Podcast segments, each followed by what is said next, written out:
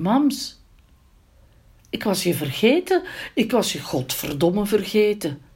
Vannacht rond twee uur zat ik rechtop in mijn bed en realiseerde me dat ik mijn brief aan jou niet geschreven had. Niet aan gedacht, niets.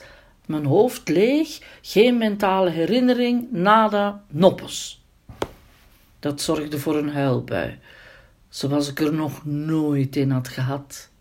Ik weet dat ik lief mag zijn voor mezelf, dat dit hoort bij een rouwproces, dat het goed is. Dat wil zeggen dat ik heel en genees van mijn verdriet. Dat ik stilaan terug richting het leven kijk. Niet blijven hangen in de dood, maar jou twee dagen vergeten, sneed door mijn hart. Nochtans steek ik elke dag kaarsen aan op het voorouderaltaar in ons huis. Daar staat het kleine potje met as op, tot we eens in Alaska zijn geraakt en ik een deel van jou daar uitstrooi. Ik zie je elke dag op de foto die op het altaar staat en toch was ik je vergeten. Ik zou corona de schuld kunnen geven, als er al schuld is. Maandag waren we druk bezig met de verhuis van mijn bureau naar thuis. Het atelier is gesloten wegens kangeroewoning met atelier en oude vandaag die dagelijks mijn deur passeren. We waren bezig met het organiseren van de thuisschool voor Louis en s'avonds had ik koorts, vermoeidheidskoorts. Je weet wel, die van 0 naar 38 in 10 seconden. Ik zou zoveel dingen kunnen verzinnen, maar feit is, je was twee dagen niet in mijn gedachten. Ik heb twee dagen doorgebracht zonder dat ik bij wijze van spreken elk woord sprak met jou in mijn achterhoofd of elk gebaar met jou naast mij. Beseffen dat ik je was vergeten doet de pijn heropleven. Of is het de quarantaine waar ik al een week in zit? Het thuiswerk. Niet elke dag fietsen naar mijn atelier, geen les geven, geen les krijgen. Het zou kunnen. Alles ligt hierover op door de pandemie die er nu aan de gang is. Het maakt niet uit. Ik was je vergeten. Nu al. Nog maar drie maanden later was ik je al twee dagen vergeten.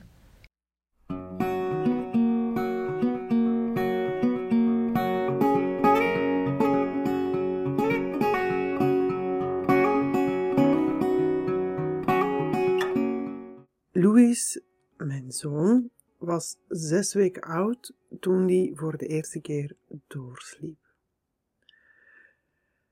Ik werd s'morgens wakker in volle paniek, want ik had zijn nachtvoeding gemist. En ik herinner mij dat ik, ik denk op een nanoseconde in zijn kamer stond en dat ik in die nanoseconde er ook 100% van overtuigd was dat ik hem dood in zijn wieg zou vinden. Wiegedood. Maar dat was niet. Het ventje had alleen maar doorgeslapen. En sinds die nacht sliep hij ook bijna elke nacht van 11 uur s'avonds tot 6 uur s morgens. En dat gevoel, dat gevoel dat ik had in die nanoseconde, waarin ik echt 100% zeker wist, ik ga niet meer levend terugvinden, dat gevoel had ik ook toen ik op die um, beruchte dag in maart wakker werd en besefte dat ik mijn brief niet had geschreven. En dat ik er niet aan had gedacht. Op geen enkele manier.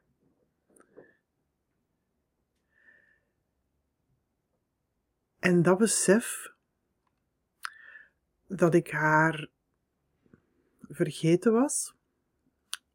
Ook al was het het begin van de coronapandemie en was het nog een beetje zoeken hoe dat we dat gingen oplossen en was er paniek omdat ik ineens niet meer mocht werken.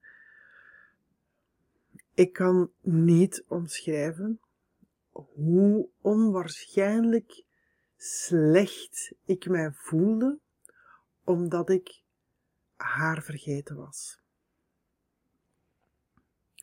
En ik weet nu, nu ik daarop terugkijk, en ik wist dat toen ook wel, maar toen kon ik dat nog niet vatten.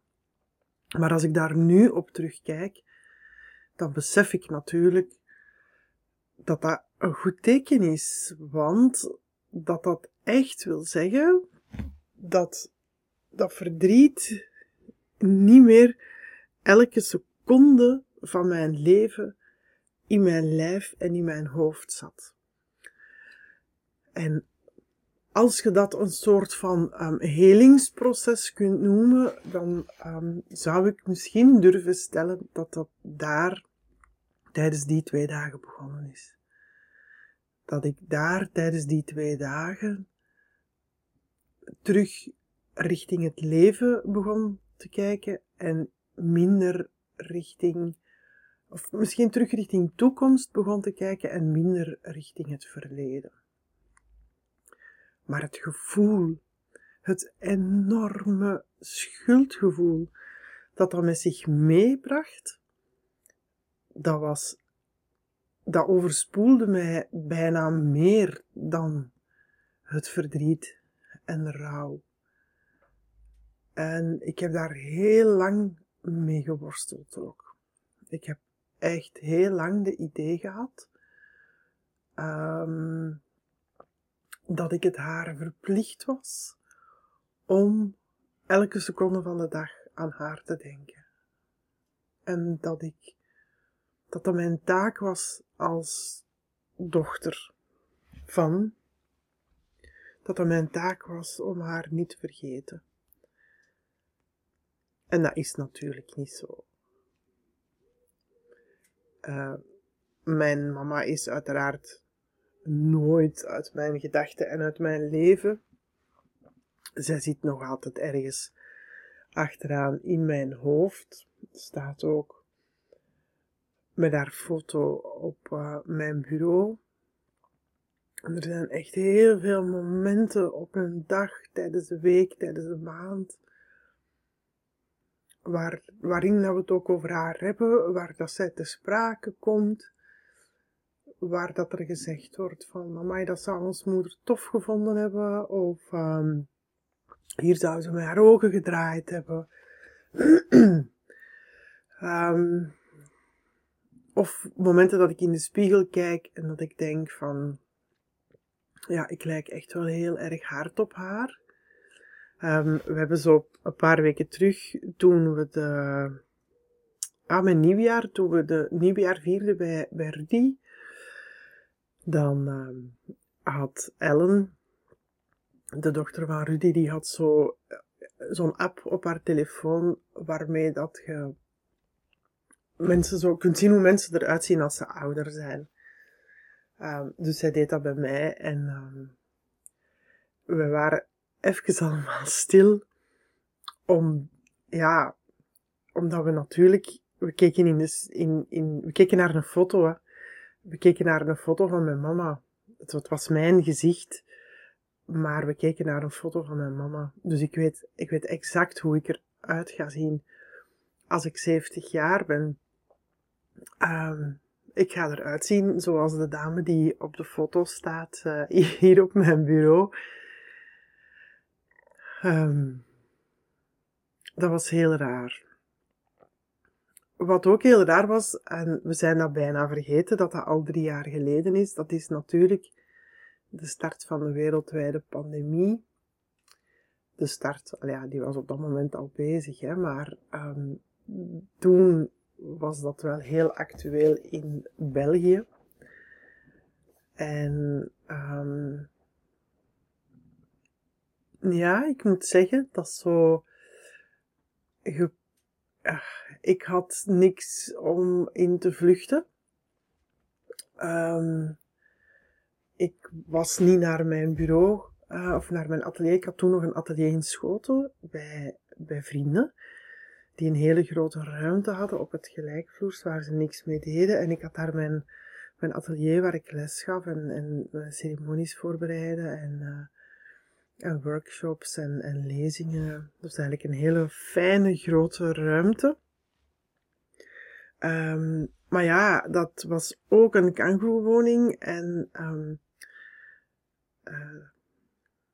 daar woonde dus naast mij op het gelijkvloers een oudere dame die al wat ademhalingsproblemen had en we wilden toch wel heel erg voorzichtig zijn. Dus ik zat thuis, ik deed aan thuiswerk, wat niet ideaal was.